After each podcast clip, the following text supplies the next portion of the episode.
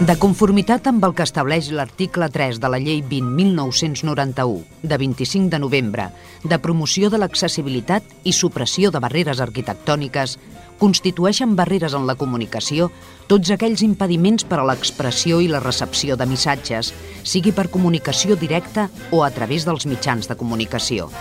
És per això que emparant-nos en aquesta llei, volem que cada ciutadà gaudeixi del seu propi espai per moure's, un espai sense censura, un espai en què vosaltres sigueu els protagonistes. En definitiva, un espai per tothom. Benvinguts a Espai Vital.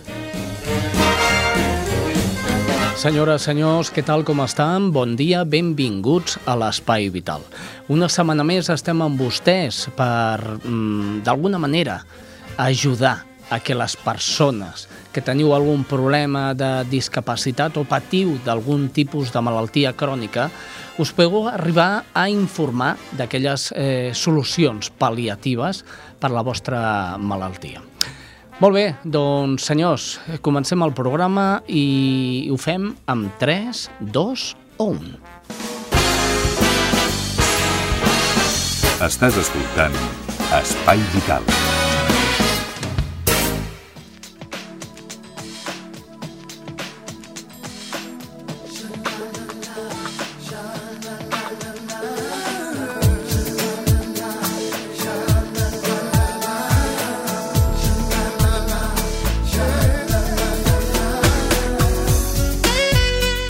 Avui a l'Espai Vital volem parlar d'un tema mm, preocupant, sobretot amb nanos petits que últimament els diuen que tots tenen això o allò, i tot això o allò té un nom. I avui tenim a un psicòleg, que a part de ser psicòleg és amic meu des de fa molt temps, és el Jaume Guinot. Bon dia. Hola, bon dia. Jaume, mm, aquestes sigles, aquestes lletres preocupants, sobretot en eh, gent jove, adolescents, que és el dèficit d'atenció i hiperactivitat, el TDAH, uh -huh. eh, suposo que des del teu punt de vista sí que és preocupant que ara mateix, en aquests moments, eh, molts metges mm, diguin no, este niño tiene TDA. Sí, aquí tenim dos factors molt preocupants. El primer, aquesta moda que bueno, tenim a la societat actual de tot voler-hi posar etiquetes.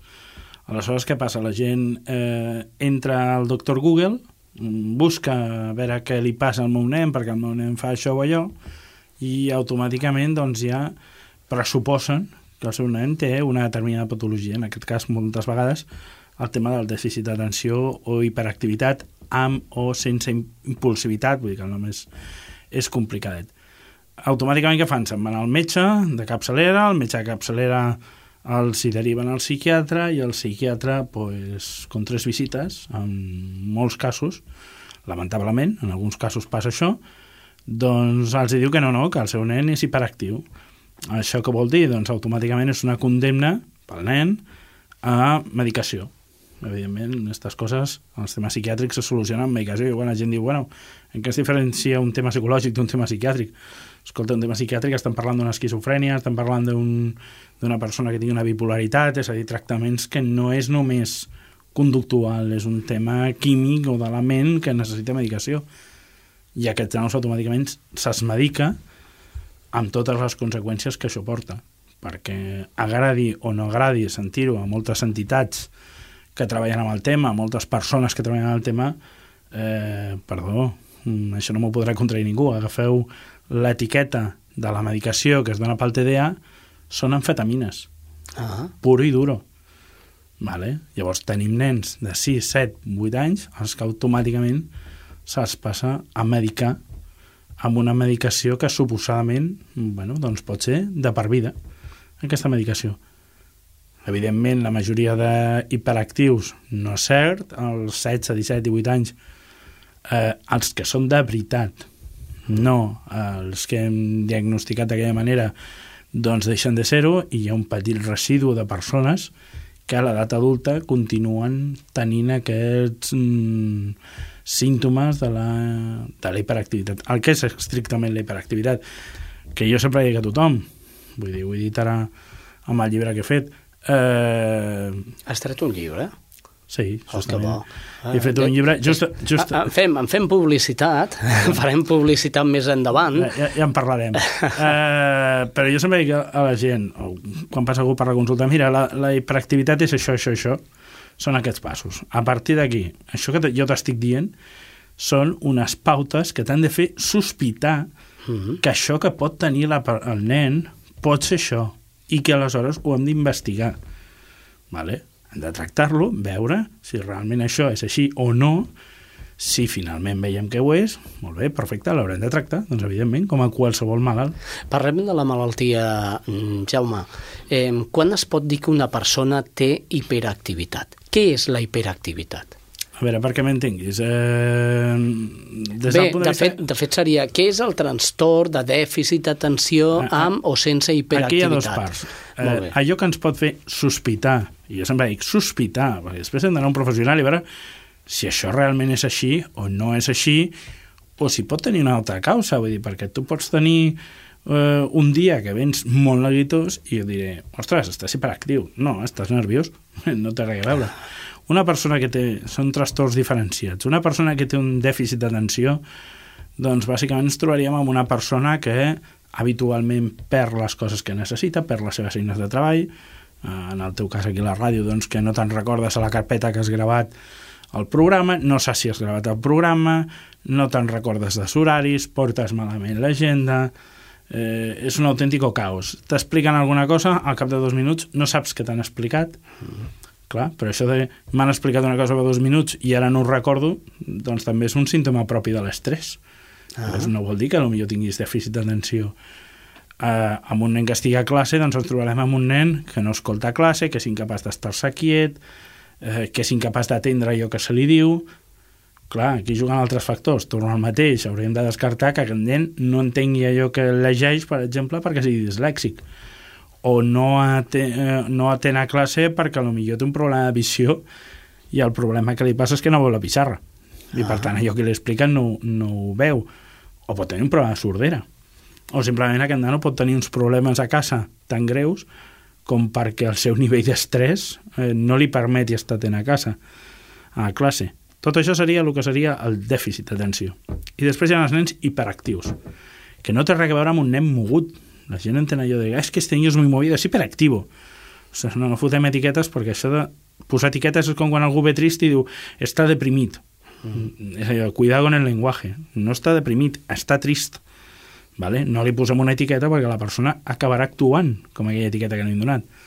Una persona amb hiperactivitat és una persona impulsiva, un nen que no calla, d'aquells que eh, ha d'estar constantment cridant l'atenció, eh, interromp, pot dir qualsevol bajanada que se li acudeixi, mm, el primer que li passi pel cap. Vull dir, si veu una senyora i li sembla gorda, n'hi ha, vostè està gorda. Bé, absolutament impulsiu. No es frena per cap mena. I una altra cosa que és molt simptomàtica, que es veu de seguida, és aquest nen es mou molt. Sí, però ojo, no és un nen que simplement es mogui molt, és un nen que es mou, a més, de maneres molt rares, vull dir, es retorcen a la cadira i, i dona voltes, vull dir, estem parlant de comportaments molt exagerats, no és allò de, home, és que aquest nen és mogut, home, és que és un nen, ¿vale? Uh -huh. Jo primer que li pregunto a qualsevol pare que em ve i em diu, es que creo que mi hijo tiene TDA. Bueno, molt bé, el seu fill és capaç d'estar-se una hora davant de la tele, sentat, i veient els dibuixos? Sí, vale. Hi ha una cosa per a descartar. Diu, per què? Perquè un TDA és incapaç de fer això. No pot. No és que no vulgui, no podrà. Vull dir, quan parlem d'aquest tipus de trastorns estem parlant de nanos que tenen una incapacitat total per enfrontar aquest tipus de coses del dia a dia. Quan parlem dels nanos que finalment s'han de medicar i que són un percentatge molt petit de la població, estarem parlant d'un 2 un 3% de la població infantil, no són més els TDAs autèntics. Aquesta població eh, té uns problemes brutals, ja li pots intentar canviar normes, intentar canviar casa seva, posar-li ordre, posar-li eh, uns estàndards de comportament, per dir-ho així, vull dir, allò de, a tal hora fem això, a tal hora fem això, això ho fem així, això ho fem així, el pots intentar calmar, ja pots fer el que vulguis. No, no el trauràs d'aquí. Vale? Aleshores, quan un veu tot aquest tipus de coses que, que són estranyes, que no són un comportament d'un nen que sigui molt mogut o molt tranquil, pot ser l'efecte contrari, no? Dius que aquest nen és molt tranquil. Vale? Uh -huh. Aquest nen, mira, les veus aquí i està jugant tranquil. I, I no parla amb ningú. Què vol dir? Que aquest nen és autista? No, vol dir que aquest nen és tranquil. Uh -huh. Doncs el mateix passa amb un TDA. És que el nen no és capaç d'estar-se davant de la tele mirant els dibuixos. Bueno, però això no vol dir res. Potser és que no hi veu bé i per això no vol mirar els dibuixos i prefereix fer una altra cosa. Jaume, dona'm uns, sign, uns signes, uns signes de, de, automàticament, quan els veus, saps que és TDA. Quins són els símptomes primers que podem trobar? El- Els símptomes, com et deia, que t'han de fer sospitar Sí. amb el dèficit d'atenció és això que et deia. Eh, perd les coses, mm, és incapaç d'entendre allò que se li diu, és incapaç d'acceptar ordres, simplement perquè no les entén, no perquè no les vulgui fer, no sap on té les coses mai, eh, normalment ens remetran del col·legi que té problemes d'atenció, que no escolta, ¿vale? que l'efecte és que sempre està distret, o és aquell, parece que està en su mundo, o parla molt el del costat, simplement és incapaç de, de mantenir un ordre. I amb el tema de la hiperactivitat, doncs és un nano no que es mou molt, sinó que és que és, bueno, és com tenir una molla al costat que és incapaç d'estar quiet dos minuts fent, fent res. I quan Ah. dic res vol dir és incapaç d'estar quiet dinant, és incapaç d'estar veient la tele quiet, és incapaç d'estar jugant amb la mateixa cosa tres minuts seguits, perquè ens entenguem, vull dir, parlant de comportaments molt exagerats.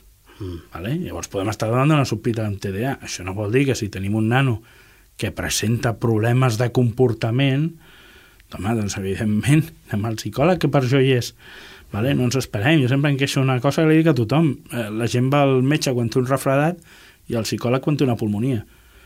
No, no ens esperem a que tinguem una pulmonia, a que el nen tingui 15 anys o 16 vale? i tinguem un hermano mayor en casa. Ja. Estem veient símptomes raros.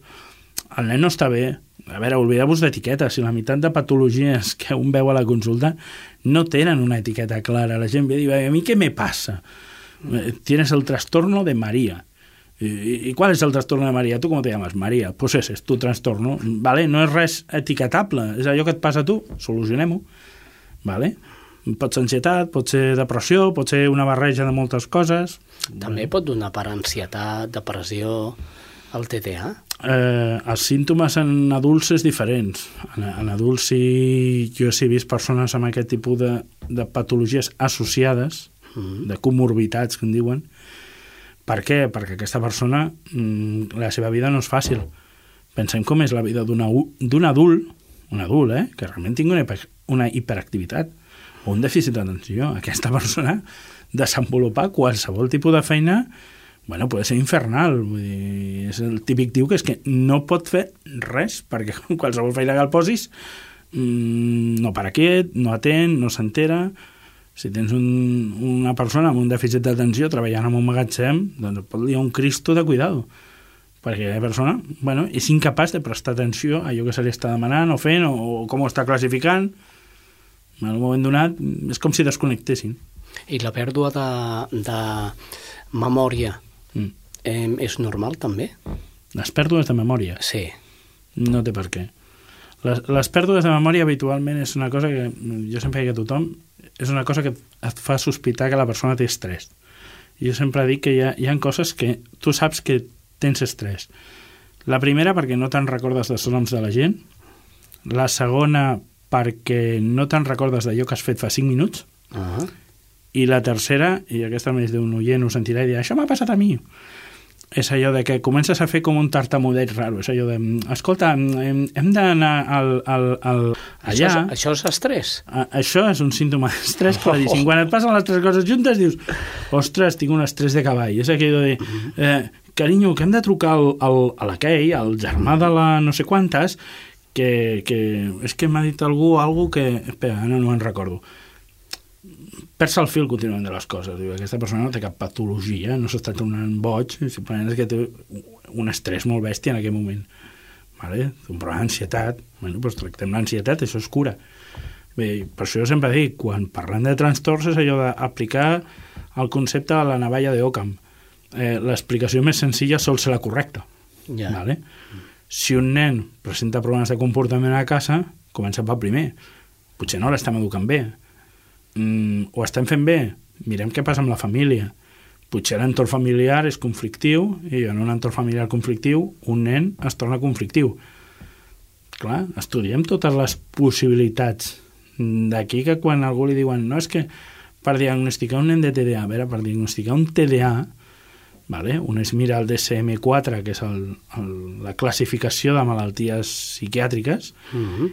I veureu que a gairebé totes, per no dir-te totes, demana un mínim de sis mesos amb Ja. aquell comportament o aquella conducta. Clar, com certifico jo si jo no ho he vist? Bueno, i qui, i qui, qui és l'encarregat de certificar? bueno, en aquest cas, el psicòleg o el psiquiatre, que és qui certificarà que aquest nen, bueno, doncs després de fer un estudi, hem vist que aquest nen realment pateix això. Mm. Ja us dic, per nosaltres és terrorífic el doctor Google, perquè la gent busca una determinada patologia i, clar, és que el nen té hiperactivitat. Per què? Perquè li passa això, això, això, això, això. Dius, a veure, senyora, és impossible. Vale? Sigui, les classificacions del DSM-4, i ja veus que se les ha elegit perquè és que te les diu de retaïla. Eh, si tu busques qualsevol patologia, la depressió, l'ansietat, la que sigui, veuràs que et dona tot un seguit de, de símptomes i et diu, has de tenir sis, com a mínim sis d'aquests símptomes. Vale? El que no pot ser és que n'hi hagin 12 i tu tinguis els 12. Això és com si fos fibromialgia, que has de tenir 18 punts del cos, també, que et facin mal, no? Exacte, jo justament fe, feia aquesta, aquesta reflexió amb el llibre amb el tema de la fibromialgia. Sí. Jo tinc un paperet a casa que diu que jo tinc fibromialgia. Ah. ¿vale? Eh, yo tengo una fibromialgia de narices. eh, és evident que no, en el seu dia me la van diagnosticar i jo sempre deia, no pot ser perquè no compleixo els requisits. Mm -hmm. Un d'ells és que no pots tenir hipotiroidisme. Jo tinc hipotiroidisme, no puc tenir fibromialgia perquè és un excloent per la malaltia. Bueno, tot i així me la van diagnosticar i tinc el paperet a casa que diu aquí hi ha el diagnòstic, de fet en el seu dia eh, els de com es diu això, els de el, els d'inspecció mèdica em Sí. volien donar la, la, bueno, em volien donar invalidesa al 100%, que jo li deia, però esteu sonats. No, no, li vamos a donar invalidesa. No, vale, amb els anys he aconseguit descobrir que el que jo tenia era un episodi de fatiga crònica que em va durar un any, any i escaig. Mm. Però en aquell moment a mi em van arribar a diagnosticar malament, perquè fue aquello de no. Ah, usted tiene esto, fibromialgia. Fem- Fem-ho planer, Jaume. Eh, una persona que ens estigui escoltant en aquests moments mm. eh, tingui dubtes, el Sí. primer que ha de fer és anar al psicòleg, Ah, psicòleg. Al psicòleg. Sí, sí, Ràpidament. està- Tots els psicòlegs saben eh, em, diagnosticar aquesta malaltia? Home, però fe- Vinc a referir, vull dir que la, a la carrera Sí. de psicologia suposo que hi haurà un apartat per al tema de TDA. A veure, de, deixem-ho clar. A la carrera de psicologia no hi ha apartats pel TDA, almenys el que jo vaig fer a la UOC, sí, no sona molt malament, però ah. és la realitat. Vull dir, un acaba, un acaba la carrera de psicòleg no vol dir que sàpiga fer tot el que hi ha, vull dir, hi ha formacions posteriors, vull dir, eh, tu fas un màster de psicologia clínica, igual que màsters de psicologia infantil, n'hi ha d'adults, mm. on, on evidentment amplies coneixements. Jo recordo a punt de sortir de la facultat, la primera vegada que em van parlar una senyora em va dir que tenia un nen amb TDL i vaig dir, un niño con què? No, no sé ni de què em parla, no? Vaig, vaig haver de posar a investigar a veure què és aquesta patologia. En aquest cas, doncs, jo us recomanaria, busquem un psicòleg infantil. Mm. Vale? Busquem un psicòleg infantil que serà l'especialista en, aquest, en aquest tipus de patologies, vale? trucar-lo i preguntar-li, escolti, miri, sospito que tinc un nen que pot tenir aquest problema. Vale? Molt bé, doncs vinguem i veiem a veure si realment ho compleix, si ho compleix o no ho compleix, a partir d'aquí veurem quina és l'actuació que hem de fer. Vale? Jo sempre he dit als pares, abans d'arribar a l'últim extrem, que per mi seria tenir que medicar, doncs hi ha molts altres. Vale? Eh, tractem a la família, canviem els rols del nen, parlem amb l'escola, vull dir, nosaltres això fem habitualment, parlem amb l'escola, intentem que els professors doncs, mm, estiguin més pendents d'aquell nen, i quan hem canviat tot el seu entorn, jo puc dir que el 80-90% de les vegades aquell nano ha canviat com si li haguessin donat la volta un mitjó. És necessari l'educació especial per nanos amb TDA? Quan un nano té TDA, no un nano que suposem que té, no, no, un nano ja diagnosticat de TDA, que realment és un TDA, eh, aquest nano requereix un, un, una atenció especial per part de l'escola exactament igual que ho faríem si tenim un nano que té un autisme, si ho faríem amb un nano que pugui tenir una dislèxia. Mm. D'acord? És a dir, oi que amb un nano que té dislèxia doncs un examen ha de durar una hora, amb aquell nano li deixem hora i mitja i dues hores si fa falta, mm -hmm. perquè sabem que no podrà contestar.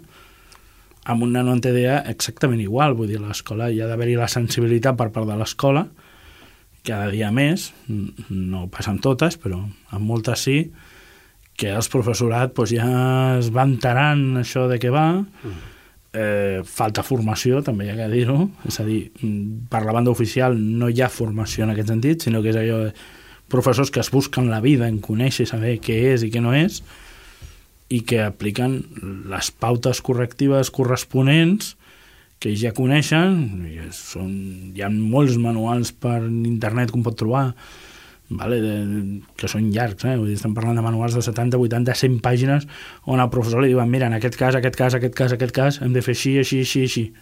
Vale? Totes les pautes que hauries de canviar per treure el màxim rendiment d'aquell nano. Si ho fas, aquell nano tindrà una educació exactament igual de normal que qualsevol altra. Li costarà més, li costarà menys, però com a qualsevol altra. Podem parlar del TDA com una malaltia crònica o mm, al contrari? Mm, jo no veuria com una malaltia crònica, pel tema de que hi ha un petit percentatge d'adults que continuen ser-ho. De fet, el TDA no es considera com a malaltia, es considera com a síndrome. Ah a dir, eh, la nomenclatura oficial diuen, és una enfermedad, no, és un síndrome. De fet, avui per avui no hi ha cap prova diagnòstica, cap, que et certifiqui que una persona té TDA. Vale? És igual que el que passava anys a, i no sé si ha canviat gaire, però em sembla que no, amb el tema de la fibromialgia. No hi Sí. havia cap prova, no? jo recordo 10 anys enrere, que va ser quan a mi m'ho van diagnosticar, als Estats Units hi havia una màquina que en teoria te certificava. No hi ha cap prova diagnòstica que digui aquesta persona té això. Vale? Ja.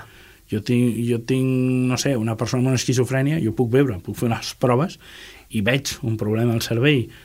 Mm, tinc una persona, no sé, amb qualsevol altra malaltia, Autisme, puc veure, o- puc veure el bacil, Mm. puc veure una persona que té un tema nerviós, puc veure el nervi danyat, aquí no. ¿vale? Sí que es veuen algunes petites coses que diuen que, que incide, que tal, que no sé què, proves, proves genètiques, però avui, avui, eh, 100% una prova que digui aquest nano té això, no. És el que vas veient. I a partir d'aquí, jo amb això sí sóc molt reticent en qual a posar etiquetes, per això que dic sempre, eh, li pots crear al nen un, un efecte de que el nen s'ho acabi creient i acabi actuant en conseqüència d'allò que tu li estàs dient que té, eh?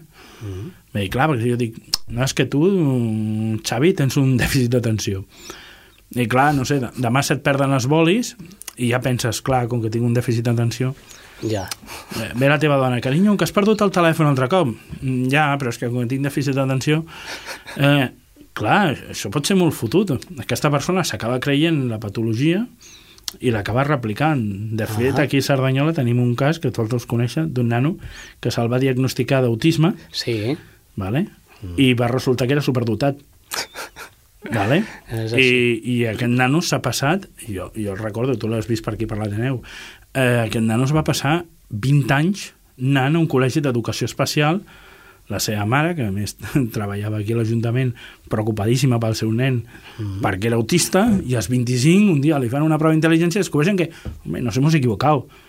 Era superdotado. Sí, sí. Vale? I els últims 20 anys s'havia passat pues, que tothom el tractava com un autista. Tant és així que ja havia agafat el rol, bé, pues, ella actuava com a autista, i jo recordo que jo el coneixia, deies, pues a mi no m'ho sembla. Pues és un tio la mar de normal. Bueno, no, però com que diuen que és autista... I ella et deia, jo és que em costa molt relacionar-me amb la gent, com que sóc autista... bueno, d'aquelles coses, compta amb les etiquetes, quan algú li posem una etiqueta, el mal que li podem estar fent. És com allò quan els nens els dius als pares, escolta, mai, mai li diguis a un nen, nen, tu ets tonto, perquè el nen s'ho acabaran passant. Ja. S'ho acabarà creient, actuarà, acabarà actuant en conseqüència. Amb això del TDA passa el mateix que l'exemple, jo sempre li poso a la gent d'un experiment que es va fer fa molts anys als Estats Units, als anys 50, animalades d'experiments que feien, mm. en què van agafar una classe de nens de 9 anys i durant un any els van convèncer de que els nens rossos són llestos i els nens morenos són tontos. Ja. Tot això durant un any. Això que va causar? Doncs que 10 anys després se'n van anar a veure què havia passat, els rossos havien anat un 80% més del que s'esperava a la universitat i els morenos havien anat un 80% menys del que s'esperava a la universitat. O dit d'una altra manera, allò que els havien dit durant un any de la seva vida, els havia destrossat la vida. Els havia marcat per sempre. Els havia marcat totalment. Mm -hmm. Molt bé, mm, hauríem d'anar acabant, potser mm. per temps ja, però no voldria que, que marxés eh, sense explicar-nos el llibre que ha tret últimament. Primer de tot, com es diu aquest llibre? El, el llibre es diu Mitos y realidades sobre el TDA, Ah TD, TDAH, Sí. sí. les sigles. El llibre va venir eh, per una petició de l'editorial, en aquest cas de l'editorial Altària. uh -huh. Havíem fet anteriorment un altre llibre, ara fa un, un any o així, vam fer un llibre sobre el bullying, que es deia Terror en les aules, amb, amb tot de gent, eren en total 17 autors. ah. És un, és un totxo important, ja us ho dic, són 200 i pico pàgines, i arrel d'aquest llibre, doncs, des de l'editorial doncs, va sortir la idea, em van dir, escolta, tens ganes de fer alguna cosa tu? I vaig dir, doncs sí, tinc moltes ganes de parlar d'aquest tema perquè estic molt cansat de veure eh, nanos que venen per la consulta diagnosticats, com qui diu, pel professor, Uh -huh. ¿no? O pel metge capçalera que ya le ha dit al señor, este niño tiene esto. Y escolta, es, es hora de que pongamos pautas i que la gent s'ho prengui una mica més seriosament. I d'aquí va sortir la idea amb l'editorial Altària, que són els que, els que ho està fent. I el tenim a la venda? Sí, ja està a la venda. Jo sempre dic la manera més fàcil, on pot anar a la llibreria a demanar-ho, i si no pot entrar a la web, que és altariaeditorial.com, Uh -huh. i en allà, en allà el pot trobar.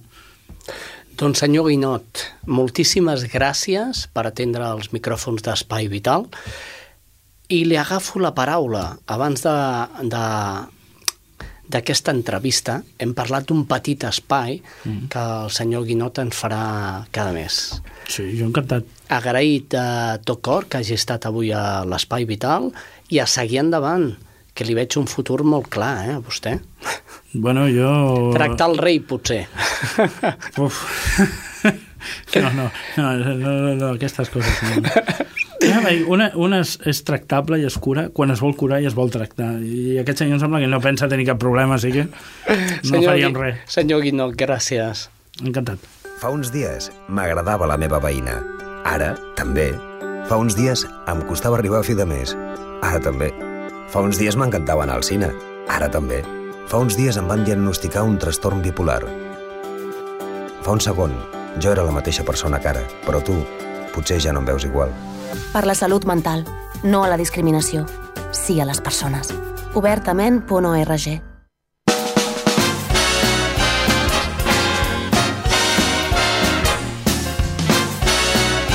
Espai Vital, el primer programa adaptat de les zones.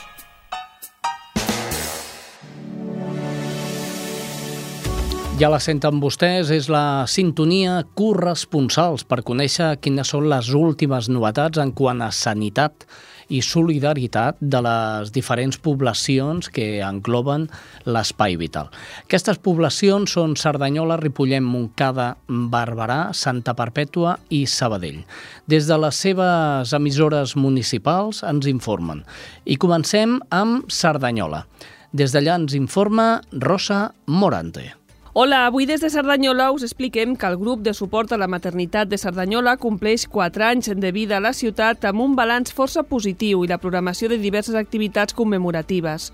L'associació Mami Mamo compta amb més de 50 sòcies i pels seus grups, sobretot els de lactància i criança, ja han passat més de 500 dones. En aquest període l'entitat ha anat creixent, consolidant nous espais de suport i acompanyament a les mares i ara fins i tot també a les àvies. Va néixer com a un grup de lactància, però a poc a poc va ampliar els seus eh, grups als de criança, dones embarassades i iaies. La presidenta de Mami Mamo, Victoria Hermida, assenyala que el balanç és molt positiu perquè han pogut donar resposta a una mancança cada cop més present a la nostra societat, l'acompanyament de les mares en una època difícil de la seva vida en la que molt sovint es troben completament soles. Hermida assegura que a l'associació té molts projectes per davant. A més de les xerrades i grups de suport, estan preparant també un llibre de testimonis de les mares de Mami Mamo que es titularà Somos la leche, en el que ja estan treballant. La dificultat la tenen ara en veure com l'editen i com el distribueixen. Per commemorar el quart aniversari, l'entitat ha preparat diverses activitats que tindran lloc a la botiga Econens de la Rambla de Montserrat, número 32. Victòria Armida recorda que Mami Mamo és una entitat amb molta activitat i que té una estreta col·laboració amb aquesta botiga de segona mà, Econens. Amb ella comparteixen, segons la presidenta de l'associació, la seva nova filosofia de consum, de respecte al planeta, d'economia social i de plantejament dintre del capitalisme, però al marge d'ell. Des de Mami Mamo ofereixen un munt d'activitats relacionades amb el món de la maternitat. El grup de lactància es reuneix els dimarts d'11 a un quart de 12 a Econens. El grup de criança els dijous de un quart de 6 a les 7 de la tarda a l'escola Bressol Tic Tac. El grup d'embarassades els dijous cada 15 dies de dos quarts de 6 a les 7 de la tarda també a Econens i ara han fet un grup de iaies que es reuneixen per parlar de la criança dels seus nets els dimecres al matí a Econens. I de moment això és tot a Cerdanyola Ràdio. Fins la setmana vinent. Gràcies, Rosa Morante. Des de Cerdanyola anem cap a l'altre costat del riu. Estem parlant de Ripollet i a Ripollet hi trobem Ripollet Ràdio. Des de Ripollet Ràdio ens informa Franzina Ricard. Una salutació als amics i amigues de l'Espai Vital. Durant tot el mes de febrer i març s'han iniciat les primeres activitats de la gent activa de Ripollet. El Casal d'Avis acull aquests dies un taller d'informàtica que s'allargarà fins al 17 de juny i després continuarà del 9 de setembre al 23 de desembre. A més a més, el dia 2 i 3 d'abril s'iniciaran els nous tallers, el d'autoestima i el de memòria. D'altra banda, pel proper dia 30 de març hi ha programada una sortida al Palau de la Música i a partir del mes d'abril començaran les sessions de cinema. Per tal de participar en aquestes activitats cal realitzar la inscripció prèvia al Departament de Serveis Socials de l'Ajuntament de Ripollet, al carrer de la Salut número 1, o trucar al 93 504 60 07. I això és tot des de Ripollet. Molt bona tarda. Bona tarda, Franzina. I de Ripollet anem corrents cap a Montcada. Montcada Ràdio ens informa Sílvia Díaz. Hola, salutacions des de Montcada de l'Espai Vital. Un total de 239 persones van donar sang l'11 de març amb motiu de la marató que el Banc de Sang i Teixits va organitzar a Montcada. D'aquest total, 25 persones donaven sang per primer cop. Tot i que l'objectiu de l'organització era arribar a les 300 captacions, eh, fa un balanç positiu de la jornada perquè la xifra de voluntaris es manté similar a la de les 7 edicions anteriors. Les maratons són activitats extras que el Banc de Sang i Teixits realitza per complementar les visites als municipis que fa habitualment per recollir donacions. A Montcada fa 8 anys que se'n fan i la participació ciutadana acostuma a ser elevada. L'Ajuntament, l'Assemblea de Creu Roja de Ripollet Cerdanyola Montcada, l'Associació de Veïns de Font Pudenta i Muntanyeta i el restaurant McDonald's col·laboren amb la jornada per dinamitzar-la i també per atreure més públic. Doncs bé, això és tot. Fins la setmana vinent. Gràcies, Sílvia Dia, des de Montcada Ràdio. I de Montcada ens n'anem cap a l'altra punta, cap a Barberà. Des de Barberà ens informa Judit González. Salutacions de Ràdio Barberà. Barberà del Vallès ha tornat a acollir aquest mes de març una campanya de donació de sang del Banc de Sang i Teixits, on la ciutadania ha tingut tres noves oportunitats per donar sang. La primera d'elles es va realitzar el passat dimarts, 12 de març, de 5 de la tarda a 9 del vespre, període en el que la unitat mòbil del Banc de Sang i Teixits es va instal·lar a la plaça de la Vila. El dissabte, dia 16, les donacions es van poder efectuar de dos quarts de 10 del matí a dos quarts de dues del migdia al Centre d'Atenció Primària Rosa dels Vents. I finalment, el diumenge, 17 de març, es va dur a terme una campanya especial trobada a Associació Motera Expresso 34 a la Ronda Indústria de dos quarts de 10 del matí a dues de la tarda. Els assistents també van poder consultar diverses informacions a l'estand de l'Associació Corazón de León Lucha contra el Càncer Infantil. Una vegada més, els barbarencs i barbarenques van poder fer un acte solidari tan necessari pels hospitals catalans. Fins la setmana vinent. Gràcies, Judit González. Eh, Barberà, des de Ràdio Barberà, anem corrents cap a Santa Perpètua. Des de Santa Perpètua ens informa Estrella Núñez. Salutacions des de Santa Perpètua de Mogoda. L'Associació Intercultural del Vallès, amb la col·laboració de la psicòloga de Santa Perpètua, Lorena Buessa, i la Regidoria de Serveis Socials, ha posat en marxa una activitat de voluntariat adreçada a persones de Santa Perpètua que han patit dificultats amb motiu de la crisi econòmica. Una desena de persones participen a una teràpia de grup al Centre Cívic al Vapor per tal d'intentar millorar la seva autoestima i poder afrontar amb optimisme la situació en la que es troben. Els participants han estat triats per la Regidoria de Serveis Socials. El president de l'Associació Intercultural Intercultural del Vallès, Mauricio Noreña, ha explicat que la seva entitat sempre ha estat molt involucrada en els processos socials i s'ha preocupat molt per ajudar les persones i que aquest ha estat el que ha motivat iniciar aquest projecte pilot. Amb la teràpia de grup, diu, s'aconsegueix motivar les persones que viuen situacions complicades. D'altra banda, l'entitat treballa actualment en un projecte audiovisual sobre la convivència al municipi en col·laboració amb la Regidoria de Nova Ciutadania i Convivència. L'Associació Intercultural del Vallès organitza a Santa Barpètua unes sessions de teràpia de grup adreçada a persones que han patit els efectes de la crisi. La psicòloga Lorena Buesa és l'encarregada de dirigir les sessions. De moment, això és tot des de Santa Perpètua. Fins aviat. Gràcies, Estrella Núñez, en Ràdio Santa Perpètua, i anem d'aquí cap a Sabadell. Des de Ràdio Sabadell ens informa Karen Madrid i aquesta és la última crònica per avui. Salutacions des de Sabadell. El Taulí atén cada any prop de 2.000 persones amb trastorns mentals greus, una xifra que suposa que un de cada quatre pacients de l'àrea de salut mental corresponen a aquest col·lectiu. El percentatge s'eleva a l'atenció primària, on un 30% de les persones que passen per les consultes del metge de capçalera, encara que sigui per altres qüestions, té trastorns mentals severs. Per gestionar aquesta realitat s'ha posat en marxa el grup NEXT, format per professionals sanitaris de l'Hospital de Sabadell, del Sant Joan de Déu de Barcelona i també dels diferents centres d'atenció primària de la comarca. Tots ells es reuneixen i busquen noves maneres per millorar la coordinació a l'hora de tractar aquests pacients i també per eliminar l'estigma que pateixen. De moment només s'han fet dues trobades d'aquest tipus, l'última el 13 de març passat a Sabadell. A casa hem acollit l'Òscar fa un mes. Ara viu amb nosaltres. No sé fins quan es quedarà. Mai no havia vist ningú que li agradés tant els macarrons. Crec que els seus pares passen un mal moment, però se'l veu content. Amb els acolliments familiars de Creu Roja, la teva família pot ser, durant un temps, la d'un nen o una nena. Suma-la a la teva vida. Acolliments familiars de Creu Roja. Truca al 93 300 65 65. Amb l'acolliment, tothom guanya. Això és Espai Vital.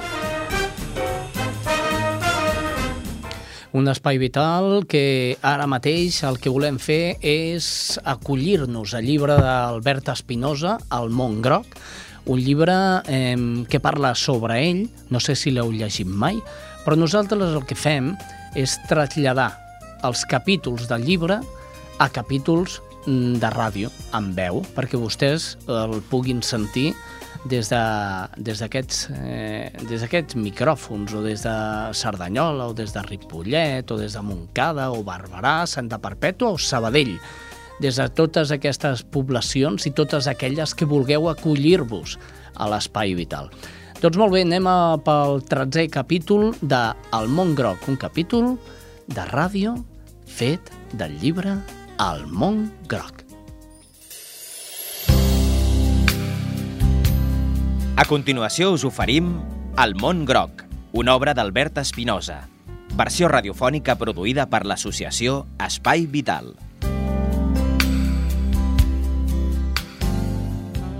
Onzè descobriment.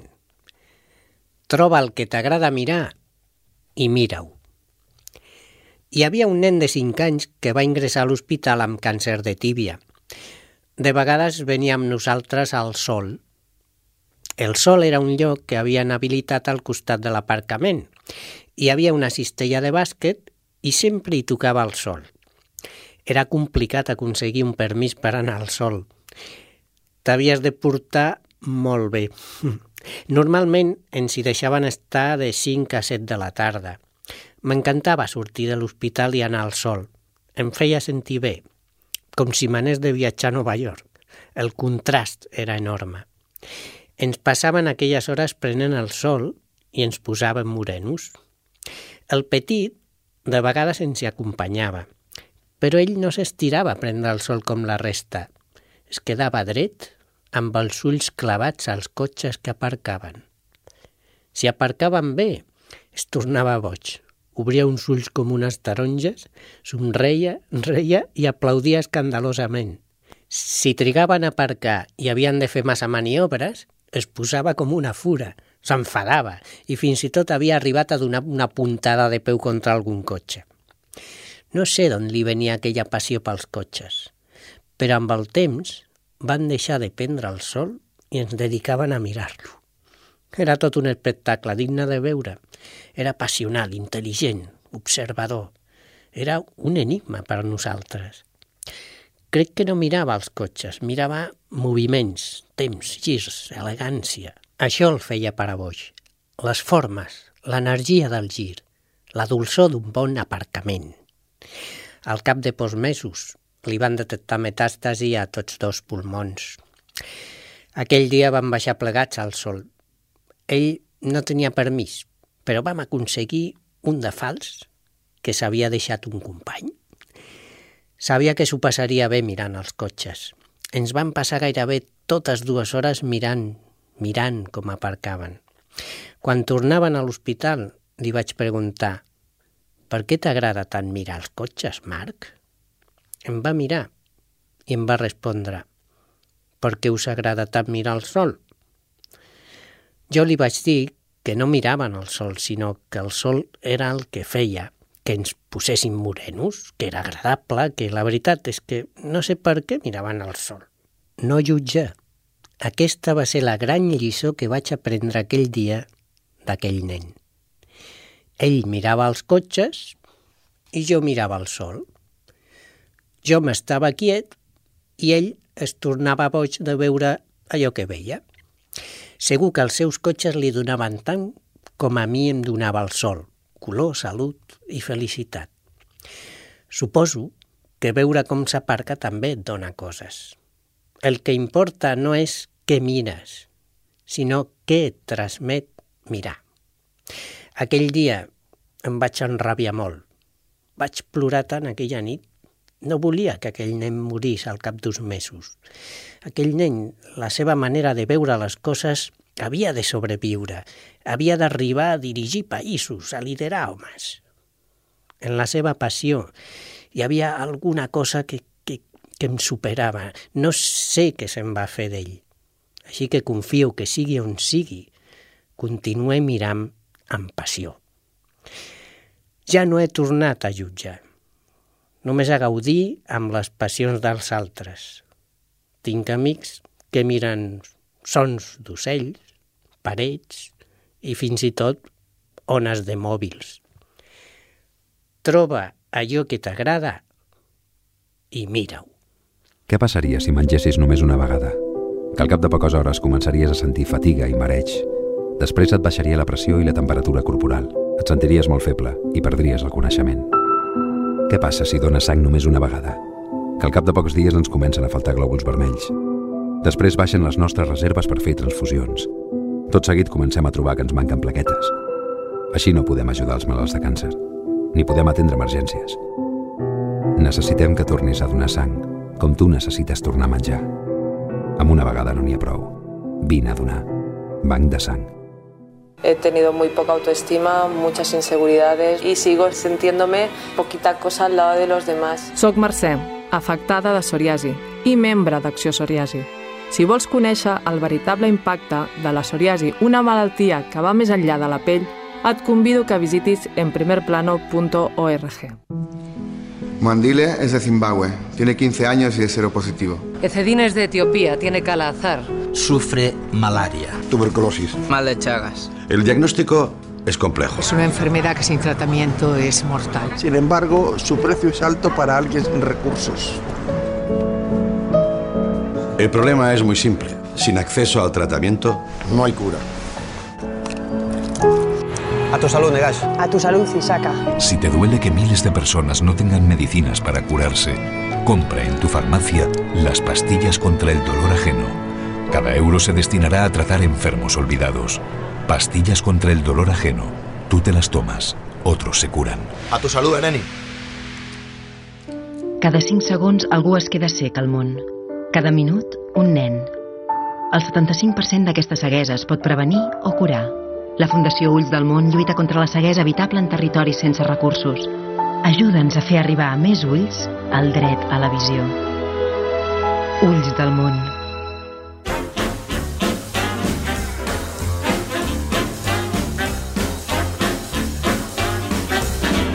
Espai Vital, el primer programa adaptat de les zones.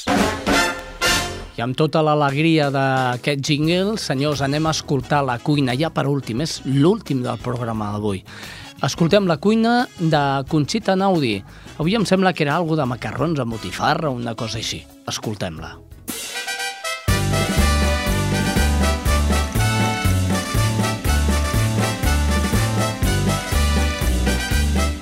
Hola, amics d'Espai Vital. Avui us faré uns macarrons amb botifarra i ceps.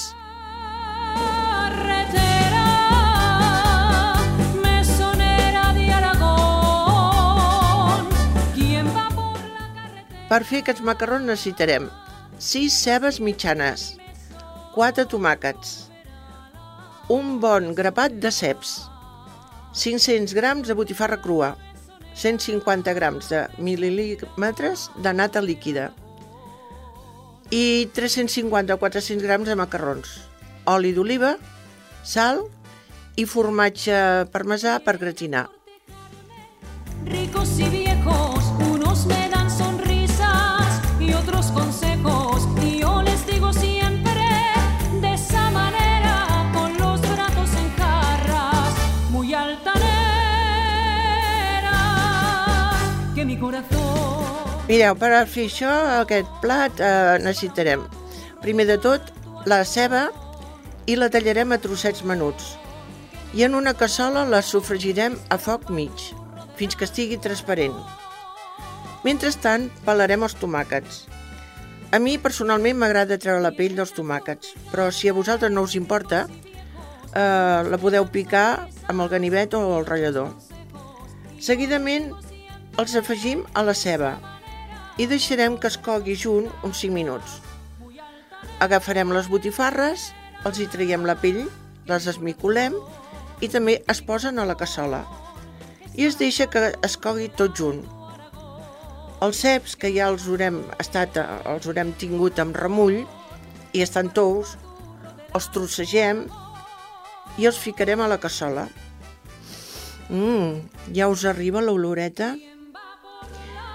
Ara arriba el moment d'afegir-hi la nata a la cassola i deixar-la coure uns 5 minuts més. Els macarrons, que ja els haurem cuit i escorreguts, també s'afegeixen a la cassola. Es barreja tot i posarem el formatge per sobre i els gratinarem. Això fins al vostre gust. Els aneu mirant. Mireu, de receptes de macarrons n'hi han moltíssimes, però vaja, jo crec que aquesta també és una de les que us pot agradar, eh? Doncs res més, a disfrutar-ho. Adéu-siau. Això és Espai Vital. I millor dit, això era Espai Vital perquè, senyors, marxem. I ho fem amb un tema de Ràdio Futura. Es diu Negra Flor i a vostès els veig la setmana vinent. Apa, adeu-siau. Y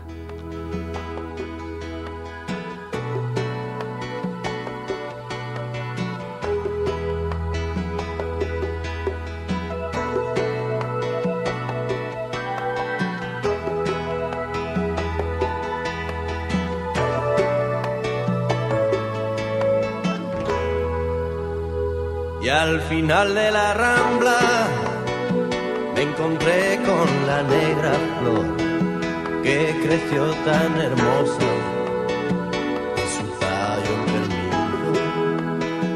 Y al final de la rambla me encontré con la negra flor. ¿Dónde vas, negra rosa?